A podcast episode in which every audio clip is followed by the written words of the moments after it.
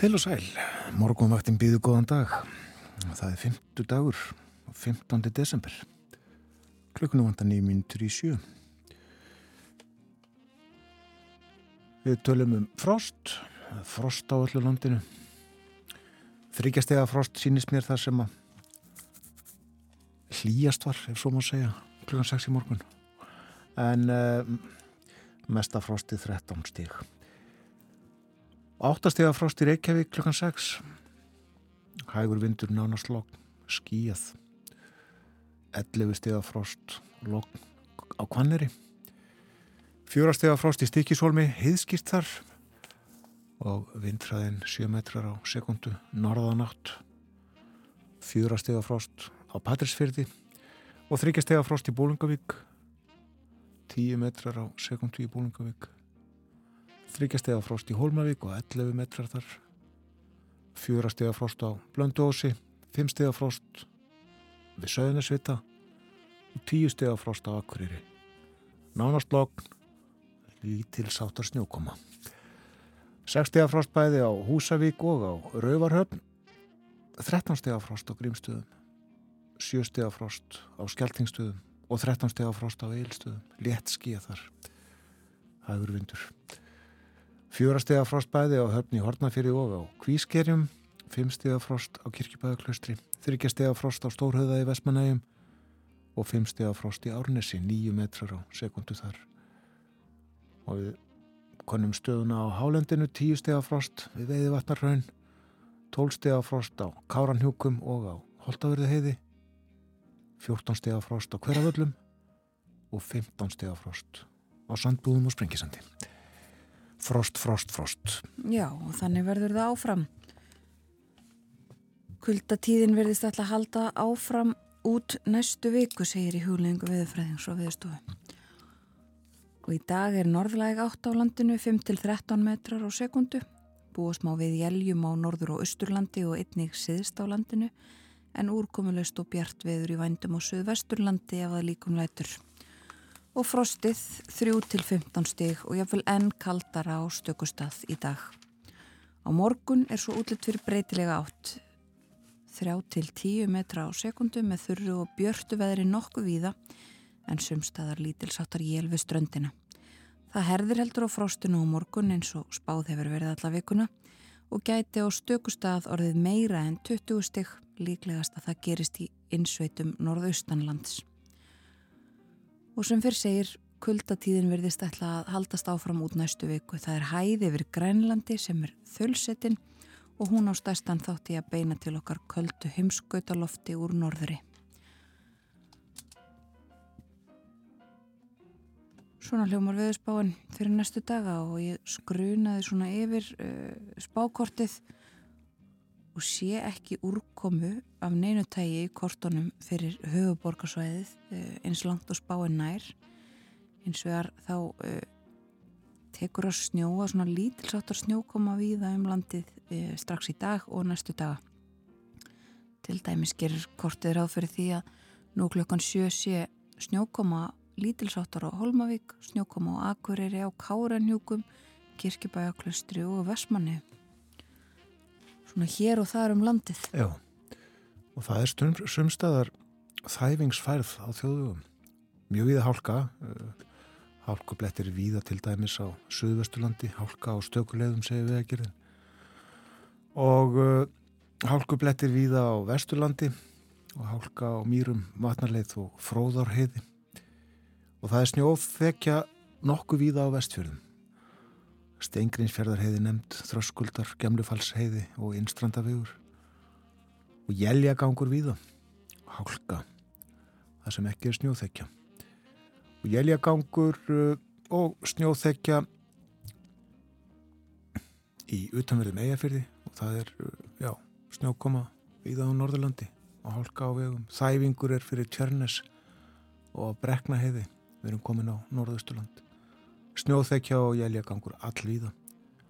Þá enn eftir að kanna aðstæður á nokkrum leiðum. Og snjóþekja er á fjardarheiði hálka á flestum öðrum leiðum á austurlandi. Snjóþekja og jæljagangur er milli víkur og skaftafells. Og snjóþekja á ringvegi austanselfos Þetta eru skeitinn frá vegagerðinni þennan morgunin. Það líður að fréttum hjá okkur, er komið eftir fjóra myndur, fáum fyrst auðlýsingar. Eftir fréttinnar fyrir við ítalega yfir dagskrá þáttarins, lítum í blöð, gömul og ný og lustum á tónlist.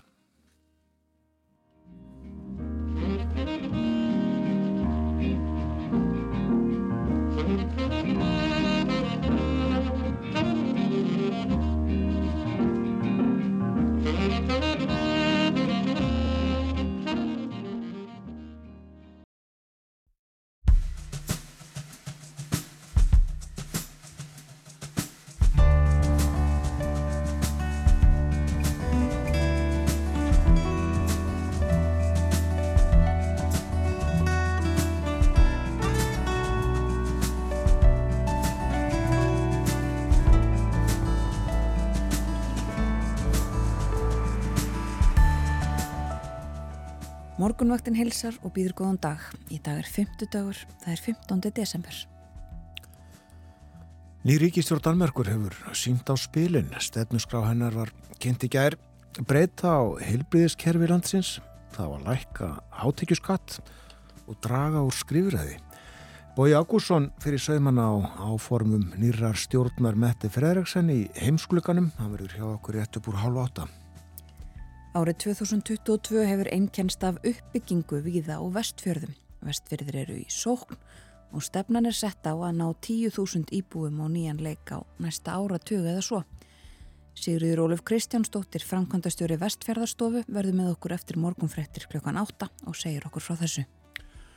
Og svo er þetta heimsmeistramótunni í fótbolta líkur á sunnudag þegar úrslita leikurinn millir Argentínu og Fraklands fer fram. Mótið eru þetta sögulegt vegna hins umdilda gerstgjafa og svo er árstímin áheðbundin. En hefur margt gerst á sjálfum fótboltavellinum sem mun rata í sögubækur, eitthvað á borð við draugamark Englands í úrslítaleknum 1966, Mark Maradona með hönd Guðs 1986 eða viðskipti Sídans og Materazzi 2006. Við veltum því fyrir okkur með Stefáni Pálssoni Sakfræðingi, hann verður hjá okkur hálf nýju. Umsjónamenn morgunvaktarinnar eru Björn Þór Sjóbjörnsson og Þórun Elisabeth Bógadóttir.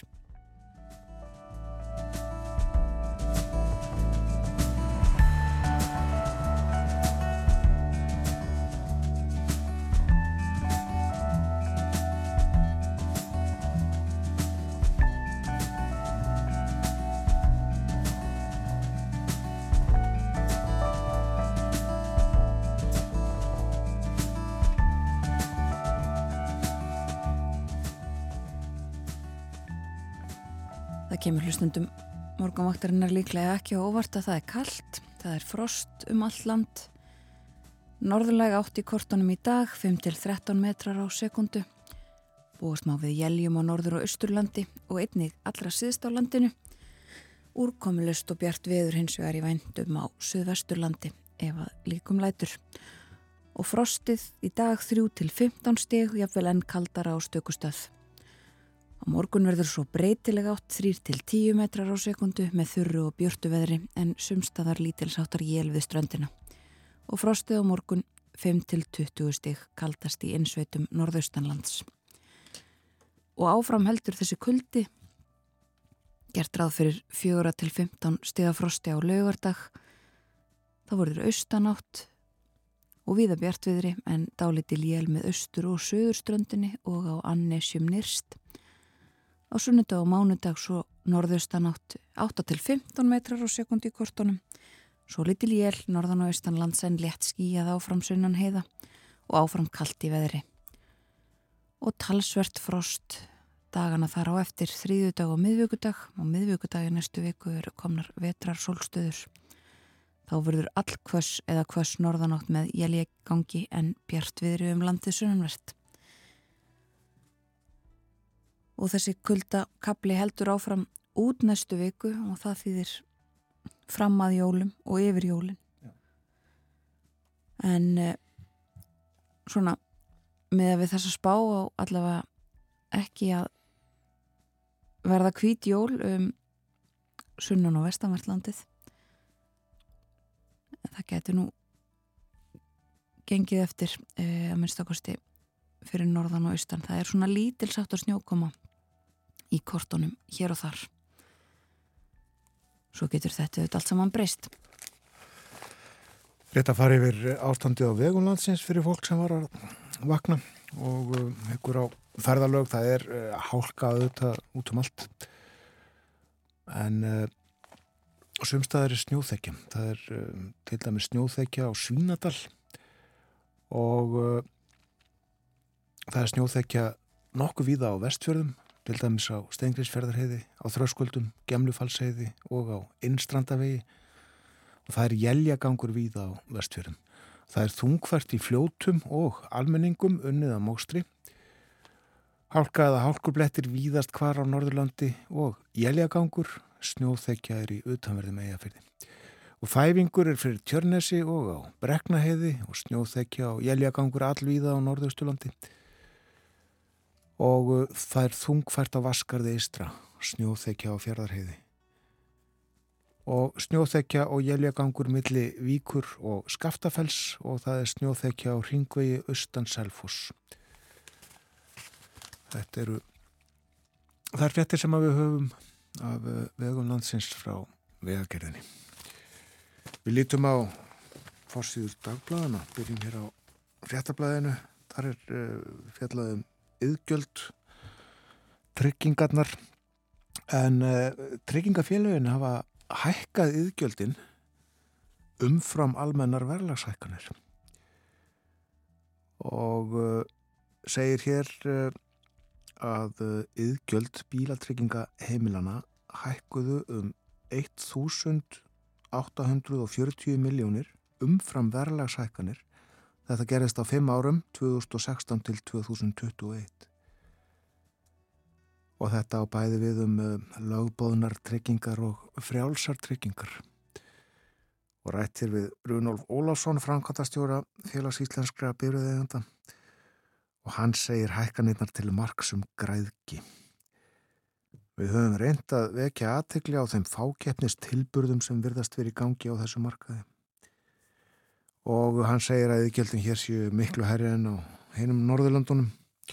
Í sumum tilvíkum er íslenski neytandin að borga 100% herra yðgjald en neytendur í viðmiðunarlandunum. Og Hann uh, bendir á að Sælabankin, uh, eh, fjármála eftirlit Sælabankans, eigi að uh, skoða þetta. Við höfum byggðila til þess að fjármála eftirlitið gerir úttækt að þessu markaði með það fyrir augum að ekki sé verið að bjóða neytendum upp á óeðlilega viðskipta hætti. Þá er það morgunblæðið sem á forsýðu fjallarum nýtt liv sem talið að geti hægt á MND sjúkdónum og jafnvel stöðvað framgangans í sumum tilvikum. Og það er rætt hér við Gísla Jónasson sem er gjaldkeri MND samtakana. Hann uh, sótti fund og ráðstefnu alþjóðarsamtaka MND félaga núna fyrir skömmu og uh, hann segir að mestu fréttina fyrir sig hafi verið upplýsingar um tvö nýlif sem eru langt komin í þróun og sérstaklega var fjallað um á ráðstöfninni. Hann tekur fram að lækning sé ekki komin við MND sjúkdónum en nýju lifin séu ljós glæta sem lengi hefur verið beðið eftir menn telli sér verið að komna skrefinu nær. Og fjallað ítalega um þetta í morgunblæðinu í dag. Það er líka vakin aðtökli á nýri þáttaröð á, uh, hjá MBL þetta eru veðþættir það sem að um, rættir við og fjallaðum handbóltamenn, landsliðsmenn. En uh, heimsmestramótið það fyrir fram í janúar verður leikið í Svíþjóð og Pólandi og uh, morgunblæðið fjallar þarna um menn sem að eru í atvinnumennsku uh, Aron Pálmarsson, Bjarka Má Elísson, Gísla Þorgir Kristjánsson, Ómar Inga Magnússon, Sigvalda Byrni Guðjónsson, Ímjöður Gíslason og Viktor Gísla Hallgrímsson. Og emitt mynda Viktor Gísla hér á fórsíðu. Við getum gert stóra hluti, segir hann. Og þar ántilega við möguleika leysins á þessu heimsmestramóti. Svo er hér aldrei skemmtileg frétt. Þannig er að þristitóðurinn Solberg, OF1, hann kom til Hafnar á Siglufyrði. Í morgun segir hér allir, það hef ekki verið í gerð morgun. Með um 600 tonna þoski, 130 tonna vöfsa og 100 tonn af ísu. Og eftir því sem morgunblæði kjensnaðist, þá hefur skipið nú náð mesta aflavermæti á einu ári meðal íslenskrar tógara frá upphafi. En alls hefur yfir 12.000 tonnum verið landa á skipinu á þessu ári og aflavermætið rúmir 7 miljardar krónu. Og rættir við Sigþór Kjartansson skipstjóra, hann segir árangurinn fyrst og fremst áhöfninni að þakka. Það þarf að vinna þetta og það eru ófá handtökin. Allur fiskur er full unninum borð. Og það sem ekki fer í fristingu fer í lísi og mjöl. Og það er rammi á söglufyrði sem að gerir sólbergið út. Bændablaðið kemur einni út í dag. Þetta er uh, Jónablaðið, gleðilega hátíð segir hér, uh, teiknuð mynd á forsíðinni og uh, á henni eru hústýrin og þau hafa komið sér makindalega fyrir í nýjum höfustöðum bændasattakana. Ég held að það séu í borgatúni og útsinni yfir sundin blá bændasamtökjum fluttu úr frá Hótelsögu bændahöllinni í borgartúnið á þessu ári. En uh, svo er fjalla hérna um kordrækt, en land til kordræktar var aukiðum 12% í ár með við umfangið á síðast ári.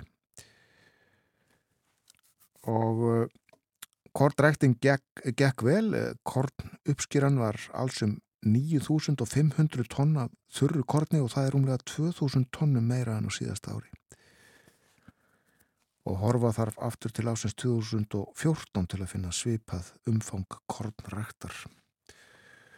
Fordamælösar hækkanir á kjartfóðri á síðustu tveimur árum hafa vafalust haft hvetjandi áhrifabændur til aukinar framleiðslu á sínu fóður byggi. Þetta var um kornið en uh, svo er hérna innan á blæðinu greint frá því að uh, æðaraktun gengur vel og uh, útflutningurinn sömulegis æðart út ná upplið. Hækkandi orkuverð í Európu getur verið ástæða þess að útflytjendur íslensks æðarduns finna fyrir aukinni sölu afurðurinnar til heims álfunar. En útflutningur á æðardunni hefur gengið vel og er mun meiri en í meðal ári. Á fyrstu tíu mánuðum ársins þá voru flutt út réttæflega 2000 kíló til 12 landa. Mest fór til Japans en uh, einnig talsverð til Þýskalands og Sviss og Danmerkur. Meðalverð á kíló í ár hefur verið um 190.000 krónur en verðið er frá rúm 160.000 krónum upp í 262.000 krónur það er gott að þetta gangi vel Mást ekki brandaran hvort er þingra kíló af æðardúni eða sandi? Jú, einmitt. Rámar í þetta. Það þarf talsveit magna af æðardúni til þess að ná í ná, kíló. Já. Mm. Ef við að líta út í heim. Já. Við skulum byrja í Kína. Það er sagt frá því í fjölmjölum og eins og hlustundur þekkja þá voru uh, nýlega gerðar mikla breytingar á sótarna aðgerðum í Kína ekki lengur útgöngubönn, ekki lengur eins strángar aðgerðir ekki þessi nullstefna svo kallaða lengur og uh, var satt frá því fjölmjölum meðlans í útækti í Núður Tæms í gæra það væri ekki útgöngubann en það virkaði samt enn eins og svo væri. Fólk uh, þyrði ekki alveg út á gödunar um, og svo er staðan þannig að eftir að eða, eða hófst áður en að aðgerðum var lift segja sérfræðingar en enga síður þá hefur orðið mikil aukning í fjöldasmita COVID-19 smita og uh, veitingastöðum lokað vegna þess að ofmart starfsfólk er einfallega veikt og uh, svo er greint frá því fjölmjölum í dag að eh, kínverskum læknum og hjúgrunafræðingum hafa verið sagt að halda áfram að vinna, jafnvel þó að þau séu smituð af COVID. Það sé einfallega eh, nöðsynlegt. Eh, talað hér við lækna, eh, lækni á spítala í Beijing sem að segir að alltaf 80% starfsfólks sé smitað en margir þurfi enga síður að halda áfram að vinna vegna skorts á starfsfólki. Öllum aðgerðum uh, og skurðaðgerðum verið aflýst nema sjúklingar séu uh, í mikilli og alvarlegri lífsættu, bráðurri lífsættu og um, líka sagt, uh, sagðar fréttir af því að, að það sé erfitt að ná í ímiskonar uh, flensulif og lif sem að hjálpa til. Og uh, þetta sé staðan á fjölmörgum sjúkrahúsum og víða um landið. Og meira af COVID COVID ratar á fórsíðuna á svenska dagbladet í, í, í Svíþjóði í dag undir fyrirsögninni að eh, faraldrinum sé ekki lokið og það séu ný afbreyði sem að uh, valdi auknum fjölda smita þar í landi. Hafa ekki verið fleiri smitt síðan í mars segir í fórsíðunni þar á fórsíðunni þar. Og uh, fórsíðan á dagins nýheter fyrst við erum komin til Svíþjóðar. Uh, þar er sagt frá því að Tyrkir hafi fengið sínu framgengt gagvart svíjum þegar kemur að uh, sagt, þetta eru kröfunar sem að gerðar voru til þess að fá samþykki Tyrkja fyrir yngöngu svíþjóðar í Allandsafsbandalæð hefur verið gerðir listar og uh, þetta tengist uh, kúrdum uh, samtökum kúrda í Svíþjóð. Og við geymum okkur dönsku fjölmiðlana þanga til. Á eftir þegar að Bói Ágússon sest við heimsklukkan það má segja í stöttumáli að fórsíðunar þar séu undirlagðar nýri ríkistjórn en aðeins til Breitlands þar uh, eru hafinn verkföll hjúgrunarfræðinga og uh, fórsíðunar margar hverjar undirlagðar af uh, þeim fréttum. Það eru hjúgrunarfræðingar í Englandi, Wales og Norður Írlandi sem að hefja verkvöld klukkan átta. Og áframverður lífs nöðsynleg þjónusta veitt en að önnur þjónusta skerðist. Og nokkur bladana sem að taka afstöðu með hjúgrunarfræðingum í dag og þetta segja að þessi blöð hafi ekki gert það með öðru fólki sem uh, farið hefur í verkvall en uh, hvað til þess sömstöðar að uh, það verði samið við hjúgrunafræðinga þeir hafi staðið með fólkinu og nú þurfi fólkið að standa með þeim. En önnur stórfrétt á fórsýðum breskublaðana er af bát sem að sökk á leið til Englands í gær uh, fjórir látnir að minnstakosti og tögum var bjargað úr ísköldum sjónum. Þetta voru flotta fólk, uh, fólk að reyna að komast sagt, yfir sundið frá Fraklandi til Englands og uh, myndir á fjölmörgum fórsíðunum og haft eftir Rissi Súnag fórsættisráð þeirra að hann sé mjög sorgmættur yfir þessu. Satt frá því að einum staða fólkið hafi borgað 5.000 pund fyrir að komast e, í bátinn sem að er e, bara svona svona gúmibátur sem sökk. En e, meira sem fyrir segir af erlendum frettum hér á eftir bói Ágússon sest við heimsklukkan með okkur eftir já, um það byrj tíu mínútur eða svo Ég vil hlusta á eitt lag, jólalag förum eh, aftur til Norðurlandana og heyrum Tommy Körberg og Sissel Kirkjabjó. Þau syngja um jólinn. Jólinn eru hér.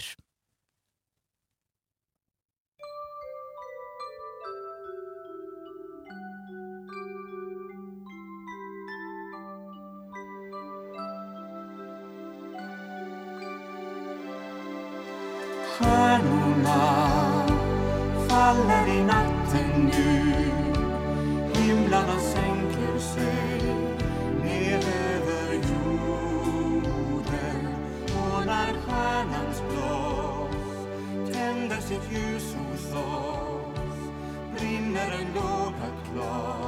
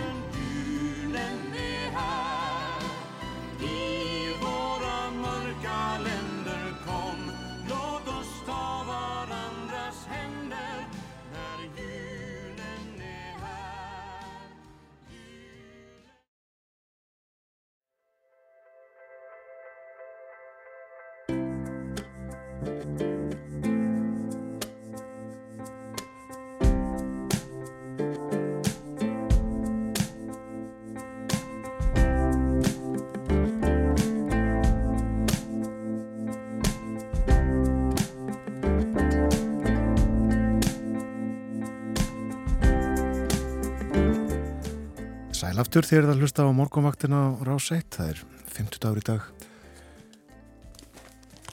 15. desember og uh, klukkan liðlega hálf átta.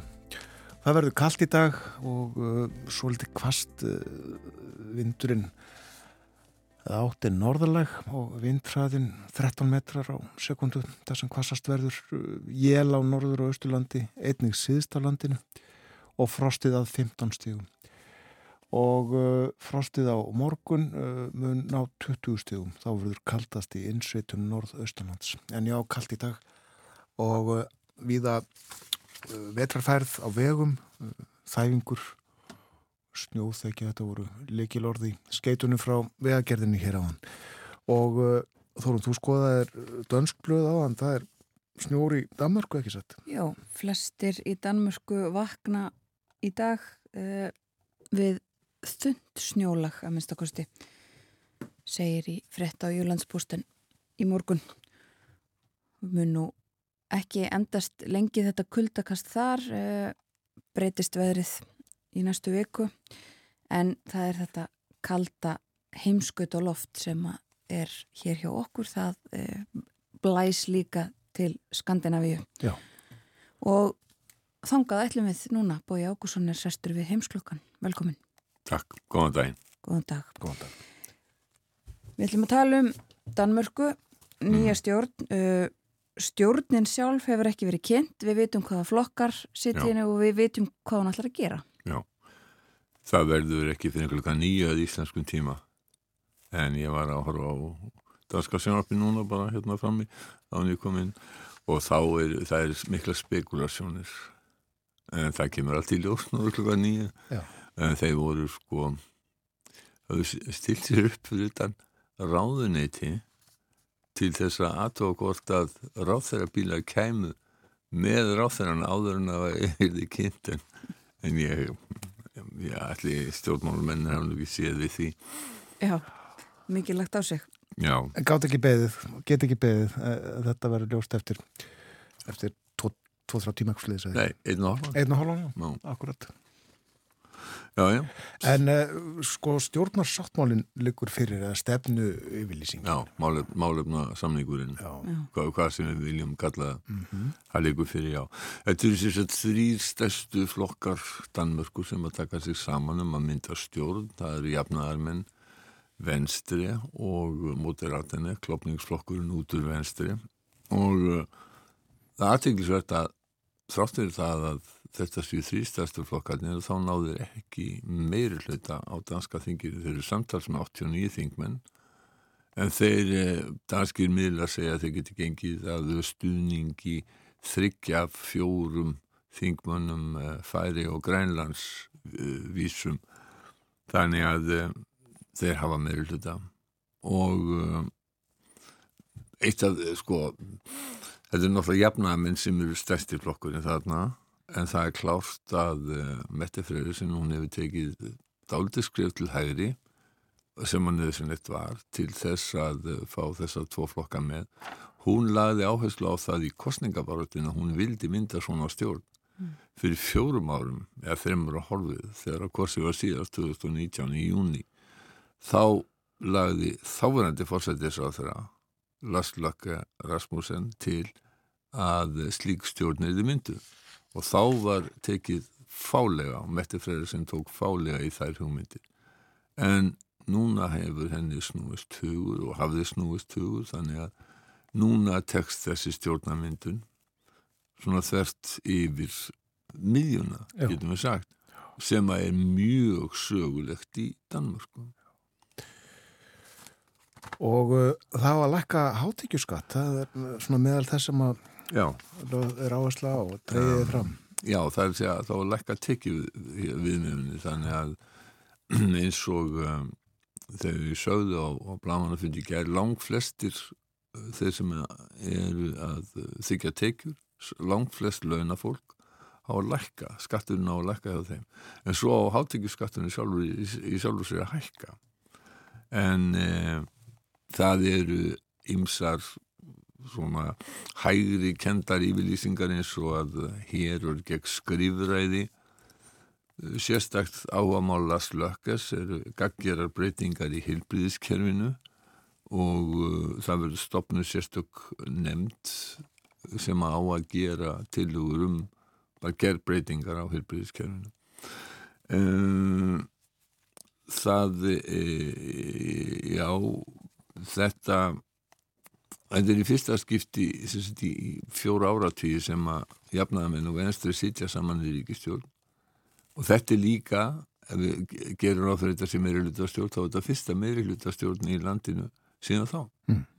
Danir hafa bara haft minni hlutastjórnir og sem að hefur náttúrulega haft, svona haft ákveðin í að það hefur markað stjórnmálin að, og þau eru ekki eins svona hörð eins og þau eru á Íslandi ef maður tala nú ekki um í Breitlandi eða Bandaríkjónum uh, og það er hefð fyrir því að leita viðtakara samstöðu í svona grundvallar málum um, mér er til efs að um, frumvarpum flóttamenna innflytjendur eða hvað það er sem að uh, verður nú frestað fram á næ- næsta ára á alþingi að það hefði verið lagt fram í Danmörku vegna þess að í slíku máli tel ég mjög líklegt að það hefði verið leitað viðtækari sáttar eins og raunar var gert síðast þegar slíkt frumvarp var, var, var á Íslandi.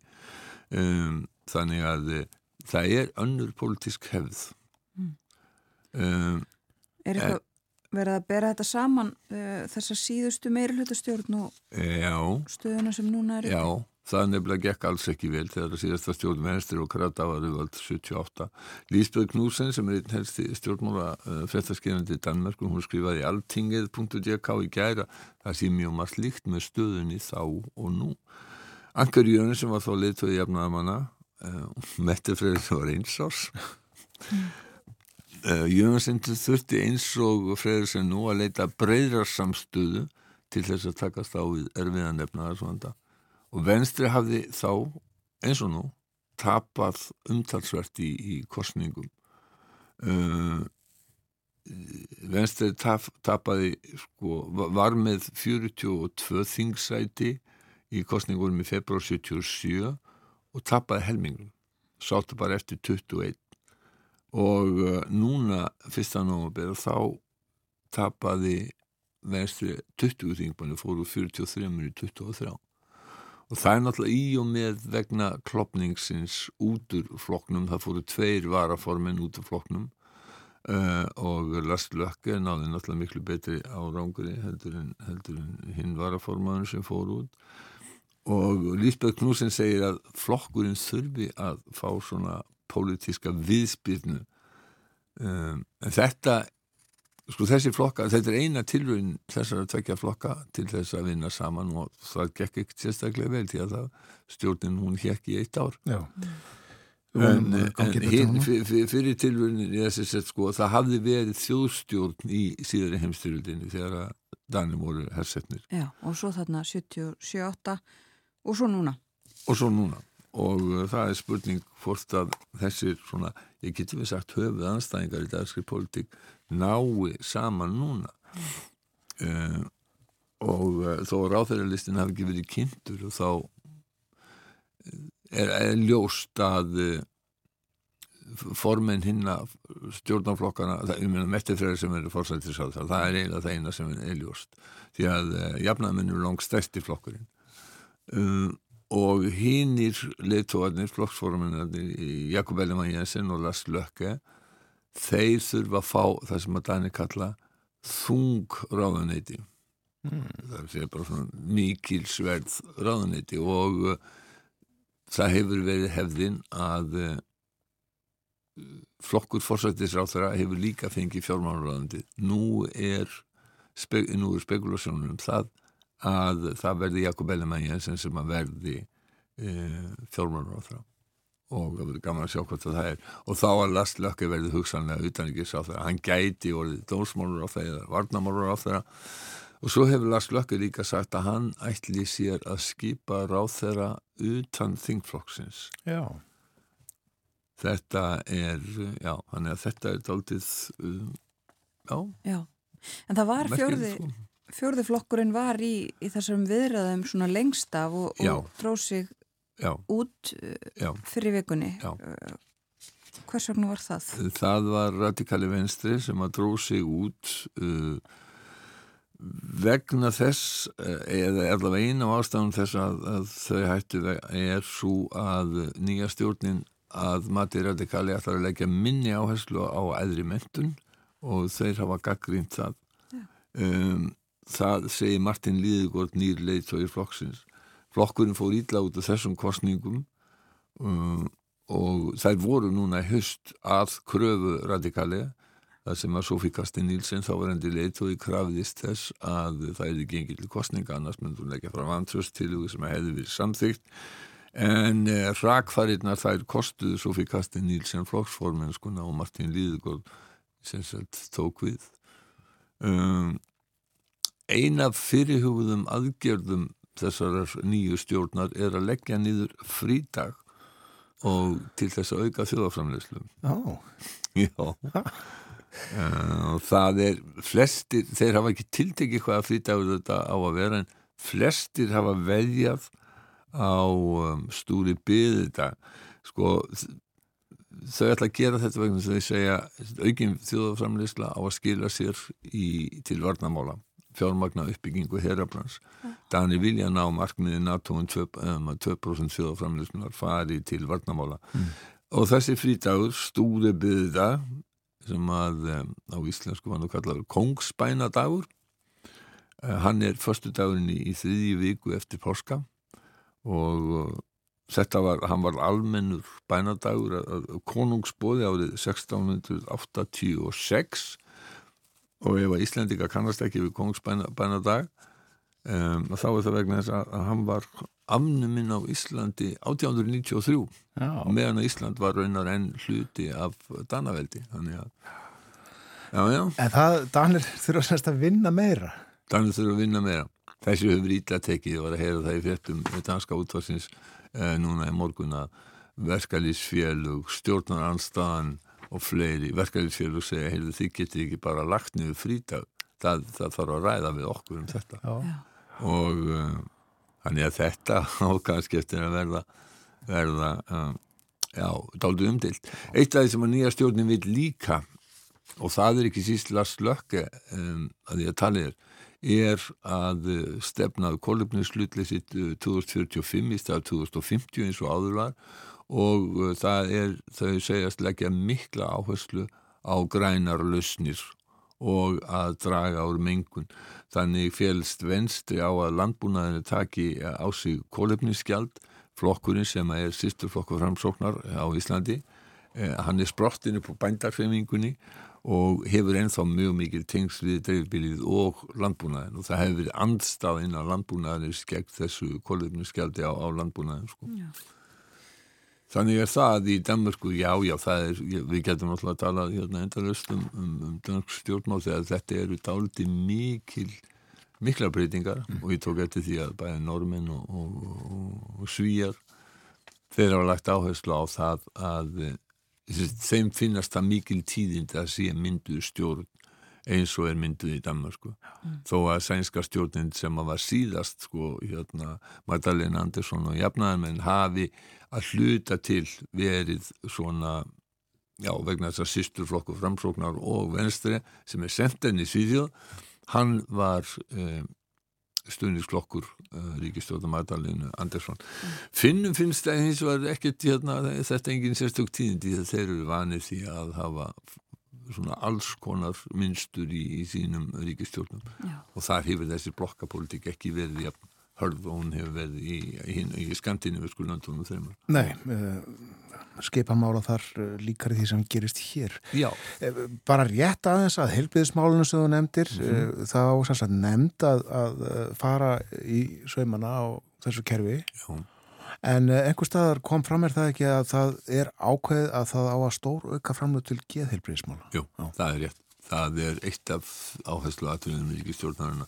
Þetta er ekki bara niður skurður hjá þeim, þetta er líka uh, útgjöld uh, á ákveðnu sviðum eins og til geðheilbriðismála. Er búið komið ný ríkistjórn í færiðum Nei. Nei, þar var kosið verið viku eins og við töluðum um þá og jafnaðar menn í, í færiðum fyrir stóra sigur, fólkaflokkurinn sem að má jafna til sjálfstæðarsflokksins á Íslandi, hann tapaði en það hafði hann eins og við öðröktum þá við í bíovítans vandræðum. Um, og hann er, hefur eiginlega ekkert verið með í þessum stjórnarmyndunar viðræðum.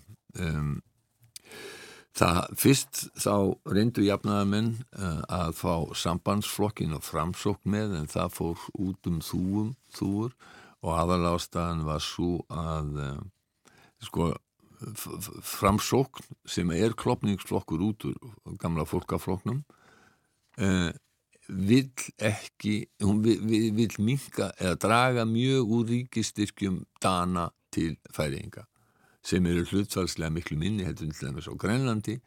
Eins og ég hef nú einhvern tíma sagt að það má líka þessu að mörgu leiti við útlutun úr jöfnunarsjóðu sveitafélaga en sko mm, færiskir já, framsóknarmenn vilja ekki hérna, þykja þetta og uh, helst að sko, færiðingar standi á eigin uh, bara efnahag og séu óháðir dönum og sambandsflokkurinn vil eðli málsins samkvæmt að halda í sambandi við Danmarku og þannig að sambandsflokknum var hent út úr þessum stjórnarmynduna viðræðum og þjóðveldið tekið inn en þjóðveldið eins og þeir sem að þekkja til færiðskara stjórnmála og er, hefur á stefnuskásinni sjálfstæði færiða og uh, þannig að uh, nú standa þessar uh, viðræður yfir. Um, og Högni Hóidal formaður þjóðvildisins hann kom inn í þetta á samt Rúð Vang sem er formaður framsóknar og, og Axel Vaff Jóhannesson sem er leiðtu í jafnaðarmanna og fyrfirandi lágmaður og verður öllum líkindum lágmaður aftur. Já. Og bárður á steg Nílsen verður í minnilöta eins og staðinni núna. Eins og staðinni núna. Eins og getur allt gest í færisku politík eins og uh, við annar staðar. Uh, þannig að um, já já, já. Eða við að verja fimm mínútum í að tala um kjarnasamrönd Já, það er nefnilega hugsanlega verður það eina merkari fjöttum ársins þegar framlega stundir að var tilkynnt í vikunum að það hefði tekist það framlega meiri orku við kjarnasamruna en notuð var til þess að framkalla samruna Jennifer Granholm, framkvæmdastjóri Lorenz Livermore rannsóknarstofnunarinnar í Kaliforníu sagði að þetta veri fyrsta skipti í sögunni sem slíkt hefði tekist á rannsóknarstofu. It's the first time it has ever been done in a laboratory anywhere in the world. Simply put, this is one of the most impressive scientific feats of the 21st century. Þetta er einfallega ein af merkustu vísinda uppgötunum 20. og fyrstu aldarinnar, sagði Jennifer Granholm þarna. Og hvers vegna er þetta svona merkilegt? Sko, kjarnasamlunni, fúsjón er í rauninni frum orka uh, jarðarinnar. Mikið hluti orku jarðarinnar kemur frá sólinu og orka hennar er kjarnasamlunni í kjarnasólarinnar. Hinga til hefur ekki tekist að framkvæma kjarnasamruna nema með að nota meiru orku en skila sér við samrunan. Í sólinni er nægur þýstingur og hitti til þess að það gerist það sjálfur sér en slíkur ekki heils á jörðinni. Þess vegna eru þetta svona merkt tíðindi. Kjarnasamruni, sko, hvað er það annað en kjarnorka? Sko, já, það er rétt. Í kjarnorku veðurum þá eru atómin klófinn Eindir í þungum uh, atomkjarnar eins og úran eru klopnar til þess að framleiða orku. Í kjarnarsamruna þá saminast tvær eindir, í þessu tilfelli vettniseindir, og mynda þingra efni sem er, sem er helium. Þetta er rauninni öfugt ferli. Uh, og í þessu ferli leysist þú læðingi gríðarlega mikil orka án mengunarhættu. Það sem að anstæðingar kjarnorku verið að hafa meðlans á mótið þeim eru gislavirk úrgáðsefni en við kjarnasamrunan ver, verða ekki til neinn langlýf gislavirk efni. Þá er hægt á slísumtalni hverfandið engin og kjarnasamrunni er ekki háður úrrani. Hráöfnið er vettni sem er að finna í vatni og það er mjög lítið til. Orkan frá kjarnasamruna er hrein og örug og hún gæti gert mannkinni klift að hætta eða minka mjög notkun jarðefnaelsneitir. Þetta er eiginlega alveg lígilegt. Já það er bara allt gott við þetta Já, Já. það er það Og er þetta bara löst, töfra löst á, á orgu þörf og vanda heimsins? Uh, já, nei uh, þegar að framlýja stundir uh, þá verður þetta það kannski en samruna ver eru ekki handan hotsins við erum að tala um áratví, ekki ár það við unnið unnið að þróun samruna tækni í áratví og en það er mörg ár þangatlega kjarnorku samrunni verður raunhæfur kostur til eh, framleiðslu orku að því að flesti sérfræðingar segja. Og þessi tíðindi frá Kaliforníu þau breyta nákvæmlega engum það að mannkynni verður að hætta eða draga mjög úr nótkun jarðefnaelsnitis og, og, og binda kólefni sem að eh, eru þegar í andrúrslaftinni ef ekki á að fara illa. Það er bara ekkert, flóknara höfður en það. Nei. Kanski uh, ljúka þessu hjá okkur í dag þar sem við byrjum, fara aðeins aftur til Dammerkur uh, bara fyrir fólk sem að vara að vakna núna. Það er sem sagt uh, klökkustund í það að nýríki stjórn verði kynnt formlega. Já, og Mette Freyrusen verður fórsættis á það mér langar að eigða þessar mínúti eða svo sem eigum eftir til þess að minnast innan gesalappa flugvilar sem að er einn af þeim merkustu í flugsjóðunni það er Jumboin, Boeing 747 sem kölluð var drottning háloftana og uh, það er nefnilega svo að uh, síðasta velin hefur verið framleitt hjá Boeing í Seattle. Uh, þessar velar það er voru teknaði nótkun 1970 Pan Am, það merka flugfélag sem þá var byrjaði að fljúa á milli New York og um, London og uh, síðasta farþegavélinn var framleitt 2017 vélarna sem hafa verið framleitt að síðan eru, eru fraktuflugvilar en þetta, þessar vélar er allir bylting á sínum tíma. Það eru voru náttúrulega breytt þóttur og á, á tveimur hæðum tókum miklu fleiri farþega heldur en uh, eldri þóttur það var uppundi 400 farþegar sem að, já, svona 350 til 400 í, í fyrstu útgáðunum og uh, svo uh, já, setni útgáðu tóku ennþá, ennþá fleiri farþega. Og uh, þetta kostiði mikla breytingar á flugvöllum og annað. Airbus steg skrifinu lengra og var með vél sem að, sem að, sem að tók sko ennþá meira. En það er búið. Takk, Takk fyrir dag,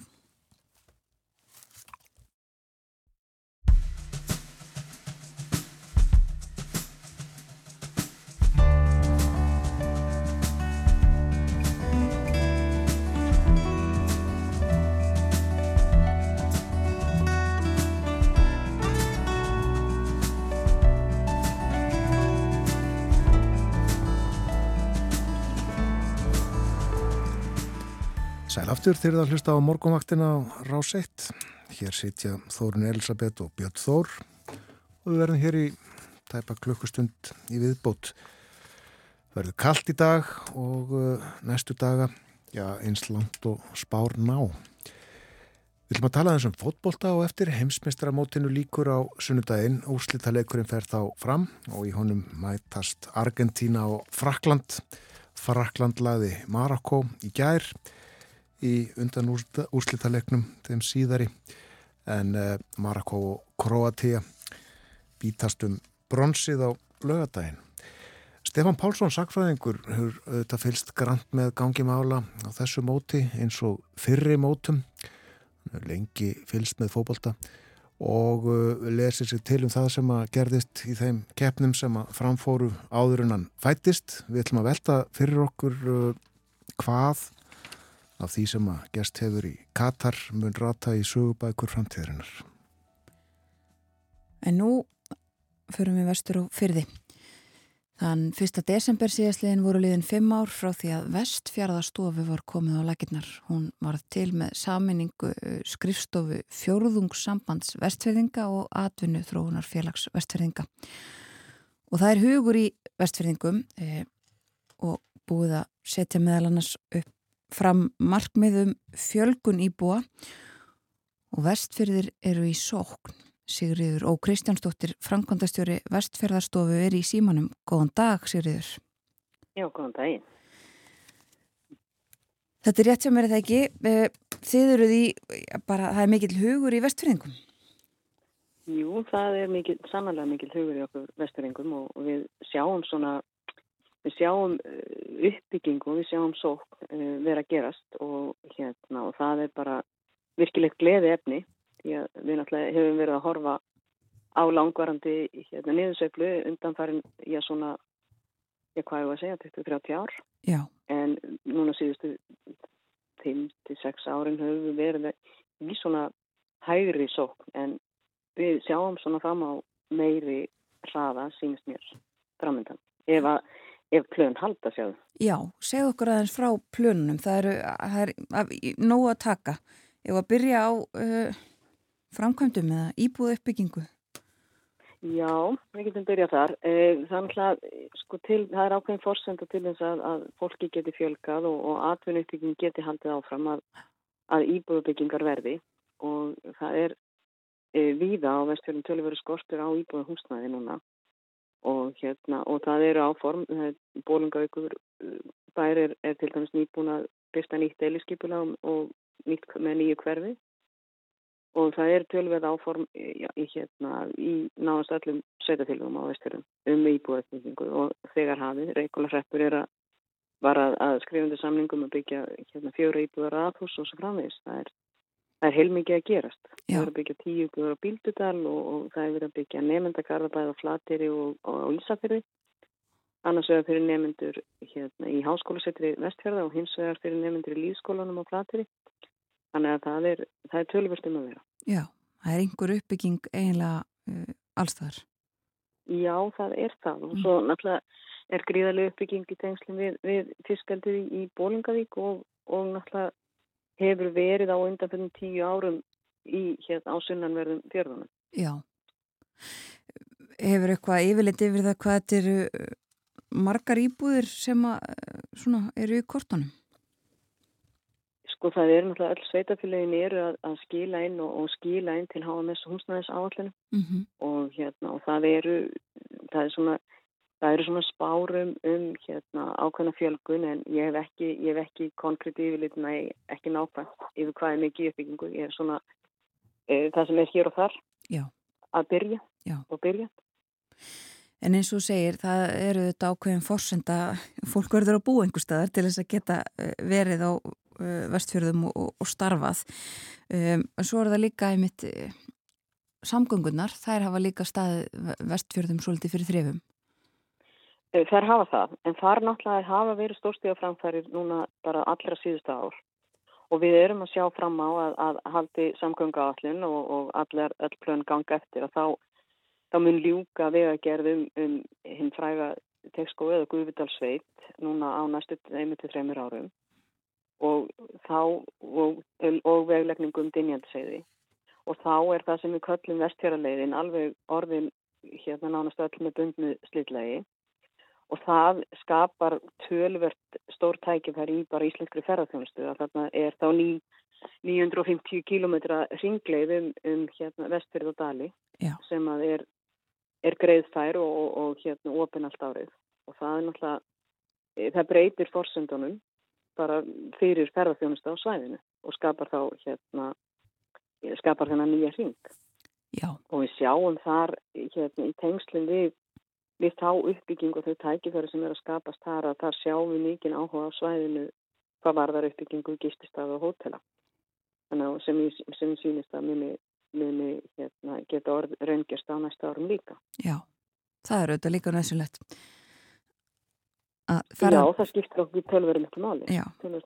Já, ferðamenninir þurfa að geta gist einhver staðar og, og það eru einmitt, já, svona stórhuga áform í ferðarþjónustu og eru mikil sóknar færi fyrir vestfyrði.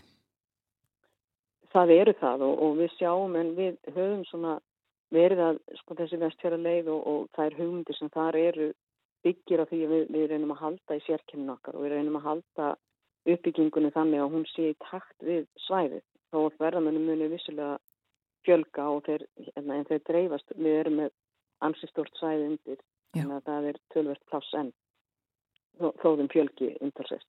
Já, og svo hafa þetta verið uh, nú þegar svona uh, stórhuga uh, áform sem hafa raungist eins og útsýnispallurinn á bólafjalli og, og, og fleira. Já, já, já, og, og það er náttúrulega, það er gríðarlega vel hefnum framkvæmt Já. og það eru áform til dæmis um, um hérna, sjóböð í, í önundafyrði sem eru mjög spennandi. Það eru, það er verið að horfa á og, og, og vonast til að hérna, getur umgerst e, þaraböð og, og gististæður á, á reikólum til dæmis. Og það eru ímis áform í, í, í kortum sem að svona, hérna, verður gaman að sjá byggjast upp. Já, sko, einmitt og við höfum farið yfir í íbúða uppbygginguna sem eru auðvitað þörf og, samgöngunar um, og þú myndist á fiskaldið og ferðarþjónustuna er, eru það svona stóru nýju póstarnir í atvinnu uppbyggingunni?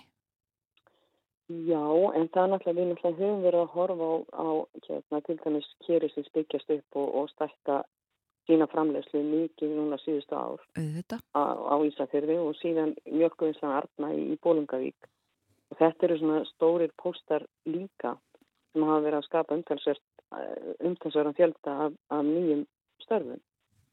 Og svona hlýðargreinar í, í sjávarútvegi og hluti sem tengjast fullnýtingu og, og hérna, fullinslega er náttúrulega líka það sem við, við sjáum í kortunum. En fiskeldi vissulega er, er hérna, eitt af því sem er að, að stækka mjög hratt og getur líka skapa tækifæri varandi hérna, hlýðargreinar og, og, og tengt störf. Hvernig er, uh, Sigurður, með stöðu sveitarfélagana á vestfjörðum? Það hefur auðvitað verið töluvert talað um með erfiða stöðu margra sveitafélaga uh, svona undanfarin misseri? Já, staða, staða sveitafélaga er ekki góð og það náttúrulega hefur verið rætt um það sko á landsvísu en, en staða sveitafélagana er alls ekki góð og, og það er kannski það sem er stærsta áhengjafni. Það er að, að hérna, þeir, þau hafa ekki kannski þá burði sem þarf til að, að taka móti og, og íta undir þá uppbyggingu sem, sem, að, sem er í kostunum og það er vissulega mikið áhengjafni og það er líka það sko, og það snýst svolítið mikið um hvernig tekið með skipta millir ríkis og sveitafélag og þá er við, það, við höfum verið tölvöld hávarum um það sveitafélaginu vestfjörðum og, og hérna og fyrir austana að það er tekið sem ríkið innhendir nú þegar af fiskjaldinu sem er í formi fiskjaldiskjalds að er, þeim sé skilað í raun til sveitafélagina þannig að þau getur sýnt þeirri innviðuppbyggingu sem að, sem að farma að eiga sér stað til þess að þessi vöxtur geti raungjast í, í alvörinu.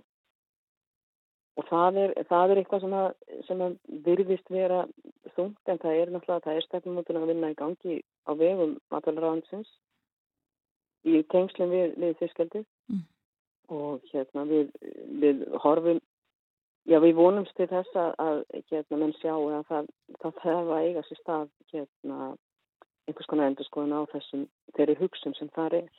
Já. Já, þetta er svona það sem við tölum um þarna er að, að það eru tekjur teknar af þessu fiskaldi sem fara bengur ríkisjóð en þeir, þeir eru ekki skila sér e, með nægilega svona tröstum hætti til sveitafélagana til uppbyggingar innu það. Nei, og þetta myndi styrkja e, tekjugrunn sveitafélagana þarna á vestfjörðum verulega?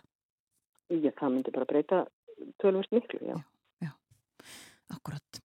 Það eru stórhuga áform um uh, alls konar uppbyggingu og eins og uh, við segjum og þið segið að vestfyrðir eru í sókn og eitt af markmöðunum sem að búið er að setja fram eða allavega sá ég að þú settir fram í, í, í uh, er að vestfyrðingum fjölgi í 10.000 á ný.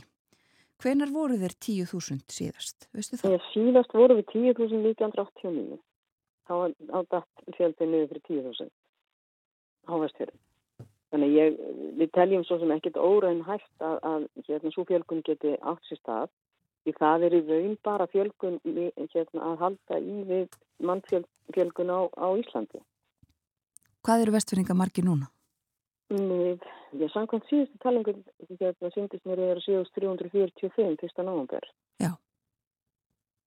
Þannig að hérna, eh, það, er, það er fjölgun sem sé, það voru 6.840 minni í 2017, þannig að það er orðið, orðið einhver fjölgun síðan.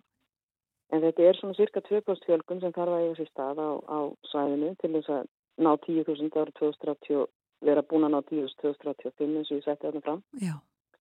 En ég, hérna, ég held að það miða við þá það umfang sem er í atvinniðbyggingu á svæðinu og og þau tækifæri sem eru, eru á svæðinu þá held ég að sé ekki alls ekkit óranhægt. Nei. Ef að innviðir, ef að innviðir og grunngerð eru jöfn á við aðra landslita. Já. Það er það sem við höfum verið að kalla eftir alla tíð í raun og verið. Þannig að og þessi, þessi, hérna, þessi vinna okkar, hún hefur snúið að hagsmenni gæst líka hvort hérna ríkinu hvað varðar innvið eins og, og grunngerð eins og samgöngur og rávorku og fjörskipti. Akkurat. Nei, hérna, og þá getur atvinnulífi hérna blómstra og, og, hérna, og mannlíf. Já. Hvernig lítur næsta út, ár út uh, á vestfjörðum? Þið eru vantanlega uh, farin að gera áallanir og, og hugsa til framtíðar, já bara eins og þú ert aðeins búin að fara yfir með okkur auðvitað, alls konar plön, en, en hvað, ef við horfum bara á árið 2023, hvernig lítur það út og, og hvað gerist á vestfjörðum? Ég, mér sýnist á öllu að sko, sveitafélagin er á fullu við að setja nýjar, búa til nýjar ný skipulög, aðskipulög og, og hérna, deilisskipulög til þess að, að tryggja íbúðauppbygging geta átt sér stað og, og aðtunuppbygging. Og það er svona, ég held að, að áriminni fara aldrei í, í hérna svona áframhaldandi skipulögningu til framtíðar og, og leggja og halda áfram að leggja þann grunn sem við hafa verið að vinna aðeins síðust árum og svo bara vonast ég til að, að hérna að árin við munum halda áfram að, að sjá þessa sókn sem við erum búin að vera að sjá í kortanum núna á síðustu árið. Já. Ég hef fulla trú að því að hún muni verða. Einmitt. Og finnur það hvert sem þú kemur að, að fólk sé sammála þér og ætli sér að uh, hjálpa til í þessu? Að það finnst mér, já. Vestfyrringar einhuga um þetta. Já, ég, ég er nokkuð, nokkuð vissum að við erum, erum einhugum það að, að við viljum, við viljum sókn og við viljum hérna vaksa en við viljum líka að það séu svona nokkur egg í körfinni. Við höfum byggt að sjárutvegi fram til þessa og, og hann er áfram grunnur en svona að byggja fleiri og svona fjölbreyttara fjölbreyttara aðrænli og svona aukið svona stækka þekkingar samfélagið okkar eins og sést í til dæmis byggingu nefndagarðana og, og, hérna, og fleira. Já, akkurat. Já. Takk fyrir að spjalla við okkur um uppgangin og vestfjörðum og áformin Sigurður Kristjánsdóttir, framkvæmdastjóri Vestfjörðastofu. Já, takk hjálpa fyrir og, og bestu hverjur. Sumilegis takk.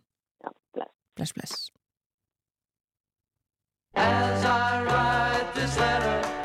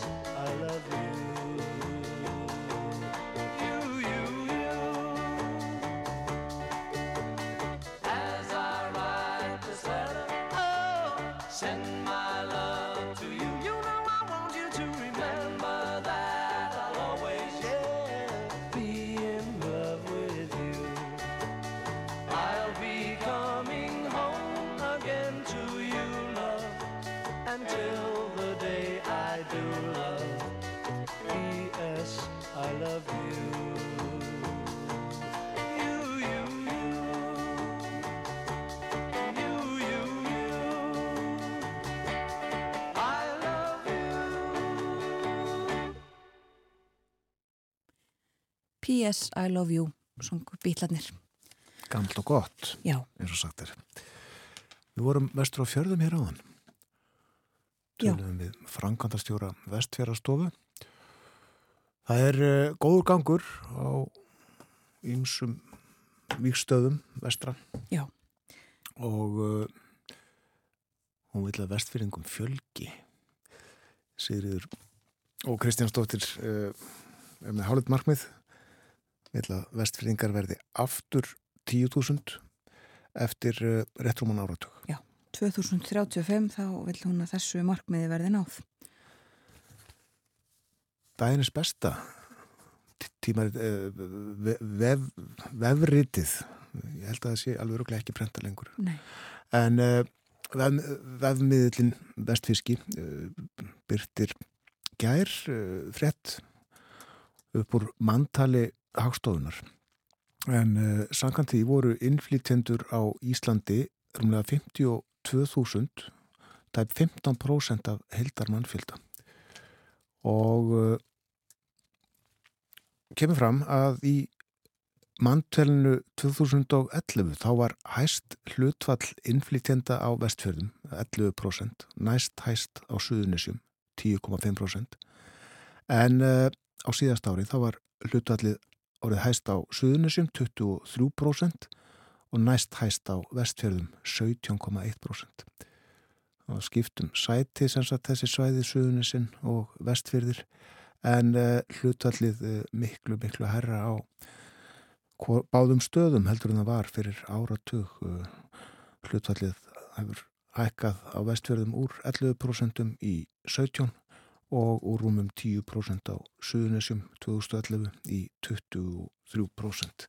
Þessi frétt BB önnin upp úr uh, frétt sem að Hagstofan byrti í gær.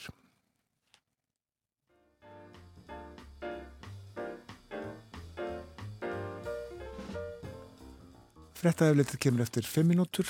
Eftir það verður Stefan Pálsson sakfræðingur með okkur. Við ætlum að tala um heimsmestramótið í fótbolta því líkur á sunnudag. Úslitaleikurinn fer þá fram Argentína og Frakland eigast við. Svo er spilað um bronsið á lögardaginn og þar mætast Marokko og Kroatia. En við ætlum að velta fyrir okkur uh, sögulegum atbyrðum á mótinu hvað hefur gest í Katar sem ratamunni sögubækur framtíðarinnar.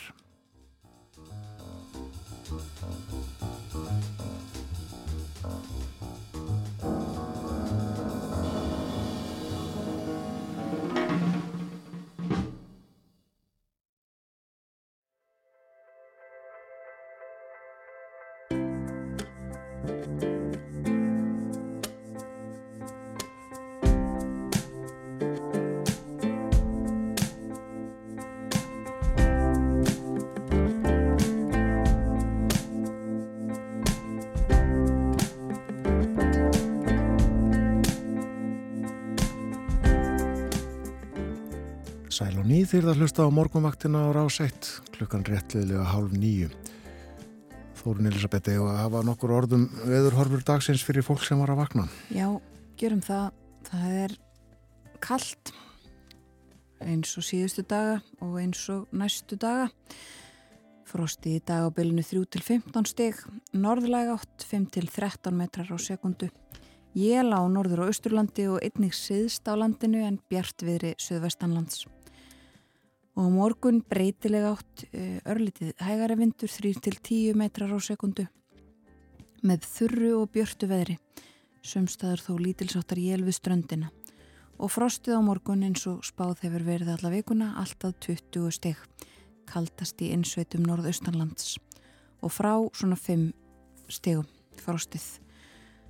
Það verður áfram kallt næstu daga og eh, segir í hugleðingu viðfræðings að ef að litið er til spárurinnar lengra fram í tíman þá ætlar kuldatíðina haldast út næstu viku og það er þölsetin hæð yfir Grænlandi sem að beinir til okkar köldu heimskutalofti úr norðri. Já. Líkur á köldum jólum Já, þetta árið. en ekki endilega hvítum, Nei. en köldum viðast hvar, já. En inn úr kuldanum og uh, í hlýna hjá okkur í hljóðstofu 6 í útashúsinu við eftirleiti er komin Stefan Pálsson sakfræðingur. Við ætlum að tala um fótbolta, um heimsmeistramótið í knaspinu sem að líkur á sunnudaginn með úrslita leik. Góðan dag og velkomin til okkar. Já, takk fyrir það. Við ætlum að uh, tala um ímislegt, við ætlum að velta fyrir okkur uh, hvað hefur gest í Katar sem ratamunni sögubækur framtíðarinnar.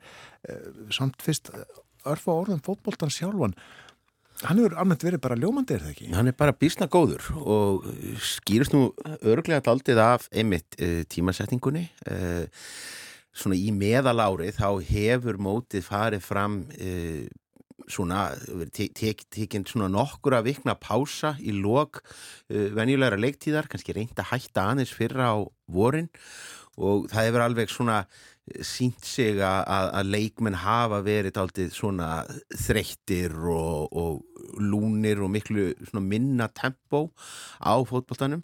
Núna fer keppni fram hins vegar bara þegar að sterkustu deildirnar í Evrópu eru bara í fullum gangi þannig að já, lið, liðin koma svona alveg bara, leikmennitir eru, eru, eru líkamlega mjög fínur standi. Maður sá eins og að líka svo sem framan af í mótinu að auðvitað það sem kannski gerist einmitt í, í, í meðalári þá voru svona hópatir kannski bara hittast á flugvellinum í Katar og, og, og hótelinu í staðin fyrir að taka þetta einhverja svona æfingaleiki sem, sem uh, upptakt. Þannig að, að þegar þetta var hvort tvekja búið að smetla saman þá erum bara búin að fá fína fótbolta. Já, það er rétt hjá mér það ekki að, að uh, þau þykja svona misjöfna að gæðum uh, hvað þetta varðar uh, stundum talaði um einhver mót sem voru eiginlega bara frekar leiðileg fótbollalega síðan. Jú, jú, það, það er það og, og reyndar er nú eitt í þessu að uh, svona, mín, mín kenning er svo að uh, besta heimsmeistaramót uh, mótið er alltaf mótið sem að fór fram þegar að þú var svona 10-12 ára.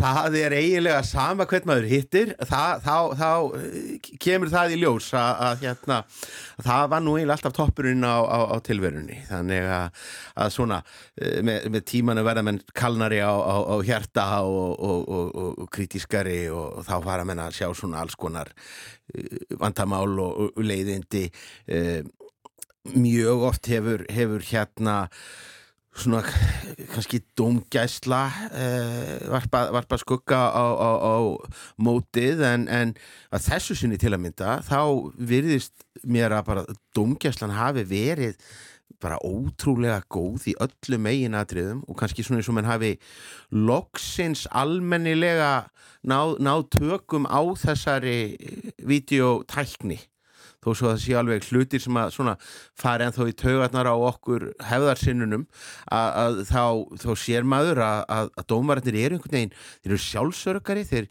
vita það að þó þeir missi af einhverju smáadriði að þá er uh, bara her manna með einhverja tölvurskjái að vopni til þess að bjarga þeim þetta þýðir að þá geta dómarinnir einbit sem meira því að halda bara flæði í leiknum eða, eða réttri línu sem þýðir það að það eru það hefur valla gerst í þessu móti að, og það, það er aftur kannski veltið maður fyrir sér hvort að leikmennin séu meðvitaður um það að þeir séu e, í mynd að það hefur valla gerst í þessu móti að lið missi leikmann út af snemma í leiknum þessi örf á rauðurspjöld sem hafa komið þegar hafa verið í blálókin þegar að, að, svona kannski komið einhvað einhva agaleysi eða, eða nöðvörn eða eitthvað slíkt.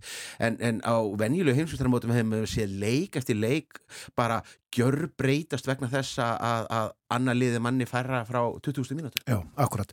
Eh, þessu tengtir auðvitað þessi eh, viðbóta tími, uppbóta tími allur 10-15 eh, mínútur kannski stundum. Hann, Það er nýtt. Hann var mjög sérstakur og hérna og reyndar svona uh, verðist aldrei hafa náð markmiði sínu að því leiti að það bara greinilega mjög uh, stíflína send út strax í byrjun og ég minnist þess ekki að það hefði verið talað um þetta neitt sérstaklega fyrir mótið.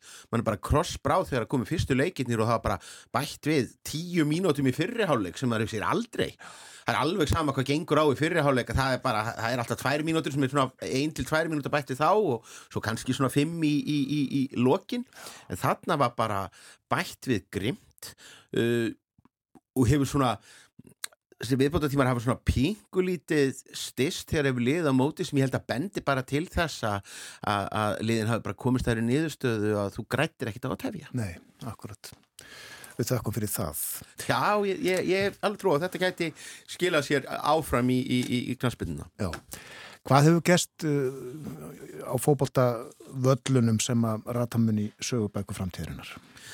Já, það sem er nú kannski svona fyrir alþjóðasinnana ánægilegt er það að, að uh, sko, hér á, á hér fyrir aldamót þá uh, voru margir bjart sínir á að fótbollinu væri að verða svona nattrætna fyrirbæri í, í, í þeim skilningi að þetta svona ægivald Evrópu og allra stærstu Suður-Ameríku þjóðana uh, að það var að breytast. Uh, svona Afríkulið fór að koma upp á, á, á, á tíunda áratugnum og, og hérna og margir kentur nú bara Pele um að hafa jinxa þetta þegar hann lísti því yfir að það er afrískur heimsmystari sko bara fyrir, fyrir aldamót. Það rættist svo sannlega ekki. Eh, þetta náði svona ákveðinu hámarki þegar að mótið fór fram í emitt Asíu í Suðukóri og Japan 2002 eh, eh, þar sáum við Suðu Kóru fara í undanúslitaleik Tyrkland sem náttúrulega strangt til tekið Evrópuríki en, en, en enga síður. Uh, og Og, og, og mörg ön, önnur lið uh, svona frá utan, utan þessara hefbundur stóru uh, tvekja ál, álfas uh, sem að náðu langt. Síðan kom bakslag. Bara 2006 mótið var bara mjög evrópst og, og, og þannig hafa síðustu keppnir verið. Evrópa hefur dominerað og svo kannski svona Brasilíumenn og, og, og, og Argentína, Uruguay hang, hangið uh, í þeim og það er aldrei ánægilegt núna að sjá þetta. Það er ekki bara það að, að Marokko hafi orðið fyrsta Afrikuliði til þess að fara í undanúrslit heldur til dæmis öll Afrikuliðin á mótinu unnu leik, það hefur aldrei gæst áður. Uh, Asíuliðin voru að- fyrir utan gestgjafana sem voru afleitir þá voru Asíuliðin og svo, svo, reyndar Ástralía sem keppir nú þrátt fyrir allt ekki undir merkjum eigi álfu heldur, heldur Asíu sem er nú kapitil út af fyrir sig. Uh, þau, þau voru standið sér vel. Uh, meira að segja sko jákvæða teikn eiginlega bara góða fréttir fyrir allar uh, litlu álfutnar ef, ef, ef svo má segja. Uh, gestgjafar næsta móts Bandaríkin, Kanada og Mexiko þau hafa alveg öll ástæðu til nokkura, nokkura bjart sín eftir þetta, þessa keppni, þannig að eins og ég segi það held ég að verði einhvað sem að memmunni taldið horfa á til, til framtíðar þó svo að, að úslitaleikunum sjálfur sé kannski frekar hefbundin Já, Argentína, Frakland uh, og, og þessi, þessar þjóðir nákvæmlega auðvitað verið margsinnis í úrslita leik. Frakkar eru hensmistrar, Argentínumenn hafa orðið hensmistrar og það hefur oft verið sko lið frá annars vegar Evrópu og hins vegar frá Suður-Ameríku í úrslita leik og Evrópu þjóð hefur til spila til úrslita á uh, HM allar götur frá 1950 held ég þegar Úrugvæði Brasilíu mættust. það er, það er rétt uh, þó geta kannski uh, Argentínumenn uh, hort aldrei bjart sínislega til þess að uh, lengi vel þá voru Evrópumenniti fyrst og fremst sigursælir uh, heima fyrir. Uh, það var þessi keppni í uh, Suður Afríku þar sem að, að Spánverjar unnu en mótið hefur oftast farið fram í Evrópu, þar hefur Evrópu þjóðum gengið best. Þegar mótið hefur farið fram sem sagt, já, annar staðar þá, þá til skamstíma eins og ég segi, alveg á þessi þessi Evrópubilgja sem við erum búin að sjá núna í byrjun aldarinnar þar sem að þjóðverjar eru heimsmestarar í Brasilíu og spánverjar í, í Suður Afríku, áður þá gáttu Suður Ameríkum en gert sér hansi góðar vonir þegar að keft var utan Evrópu. Og spurning hvort við erum að hverfa aftur til, til þess tíma. Já. meina og hugsanlega vinna svo uh, frakkarnir og þá ætla maður nú að vona það að þeir þeir síni þá einhverjar, einhverjar sparirliðar í, í, í, í úrslitaleiknum því að það verður nú daldið að segjast að, að þeir hafa ekki þurft að skipta mikið upp úr öðrum gýr og urðurinn heimsmeistarar fyrir fjórum árum nokkur negin á sama hátt með því að, að, að sína alveg einstaka færni í að bara drepa leiki eftir að hafa eh, hérna ná, ná, náð fórustunni og er ekkit að setja á neinar flugeldasýningar að, að, að óþörfu, við erum alltaf íhaldsaman þjálfara til þess. Það er einmitt það. En uh, Sigri Frakkar, að uh, þá uh, verða þeir aðeins þriðja þjóðin er það ekki til þess að vinna tvær keppnir í röð? Jú. Það, það er daldið magnað. Maður var líka svo sem að, hef, hefði líka verið áhugavert ef að uh, króutunum hefði nú tekist að, fara í, í úrslitaleikin og komast þá í, í annað skiptið í, í röð í, í úrslit sem er náttúrulega alveg magnað fyrir svona litla þjóð uh, bara sjokkarandi staðurinn bara til að, að, að setja í samingi afrekið fyrir uh, ég, hvað, hvað allir króatar séu margir, séu 5 miljónir eitthvað, eitthvað Ég held þessu færri, ég held þessu Já. bara þrjár Þrjár, og hálf. Já, Eh, þá, þá er það aldrei magnað frá því að Króatar fóra að keppa undir uh, eigin merkjum uh, sem Króatía, þá hafa þeir farið uh, í undanúrslit að háa mig fótbolta jafn oft og uh, spánverjar, ítalir og englendingar samanlagt. Já. Króatía er einfallega stórþjóð í fótbolta. bara og í, í hópíþróttum það það er einhvað í vatninu þarna söðu frá. Hafa uh, orðið einhver atvik í leikjum, Stefán, sem að uh, verður minnst uh, eitthvað svona eins og, já, hönd Guðs er auðvitað þekkt sjúmakar kildi Battisson og, og, og hérna, Mark Englands í úrslutaleiknum 66 er eitthvað svoleið sem Já, að munum muna í framtíðin Það er náttúrulega daldið merkilegt að, í, í rauninni öll atvikinn sem þú nefnir hérna er einmitt einhvað sem að, að uh, sjónvastæknin er, er, er búin að uppræta fyrir okkur. Þannig að, að, að, að maður, kannski spyr sér hvað höfum við gert? Erum við búin að, eiðilegja allt, allt uh, drama uh, ég held sérstaklega ef, ef, ef svo fer að uh, ef svo fer að, Argentinmenn verði heimsmyndstarar og, og þá verða, verður svo saga sem verður sögð af þessu móti hún mun snúast ofbúslega mikið um persónu Messi og þá verður afleggingi svo að, að uh, marki þar sem að hann hérna prjónaði sig í gegnum, gegnum króatana og, og, og, og, og, og rendi svo uh, fyrir, fyrir samherja sinn það verður spilað aftur og aftur og aftur. Uh, ég held að við þurfum ekki að hafa neinar, neinar áhyggjur af, af, af öðru. Svo náttúrulega kannski ef að þetta fer akkurat á, á á hinvegin þá, þá, þá verða að taka eitthvað, eitthvað annað frá þessu. Já. þá munum við náttúrulega velta sér upp úr uh, upp úr Mbappe sem að er náttúrulega komin með uh, í, í rauninni alveg ofbóðslegan markafjölda með að við, við hvað hann er, er, er, er ungur á árum ef, ef að hann helst heill og ég tala ekki um þegar að, að mótin fara alltaf að stækka og stækka og, og, og fjölga kannski svona uh, slakari anstæðingum uh, þá getur hann sko slegið endanlega öll, öll markamett Já, já. Það er annars aðtiklisvert og uh, umhugsunavert hefur nú verið svo sem lengi að, að uh, það er ekki alltaf eins og fótboltinn sé hópíþrótt að það séu 11 í liði Uh, dregnir eru út einhver einn dreig, einn dregin út eins og, eins og Messi, eins og Ronaldo til dæmis. Já, þetta er hér, hér ert þú uh, náttúrulega að vera sömu, sömu sjónarhorn og, og sjónarmið og, og, og Sigurður Tórótsen hérna verkfræðingur og, og, og hérna og, fyrir um fótboltamaður einmitt, einmitt reyfaði í sinni sögu. Og hún fannst ekkert vittlusara heldur en að, að, vera tiltaka nöfn markaskórara því að það, það fæli bara í sér fullkomin mískilning á, á íþróttinni. Rétt er að taka fram að Sigurður var varnamaður en, en hérna en, auðvitað er það náttúrulega rétt að í, í, í, í hópi íþrótt þá á ekki, ekki að skipta neinu máli hver það er sem að rétt ítir boltanum yfir, yfir, yfir línuna sko.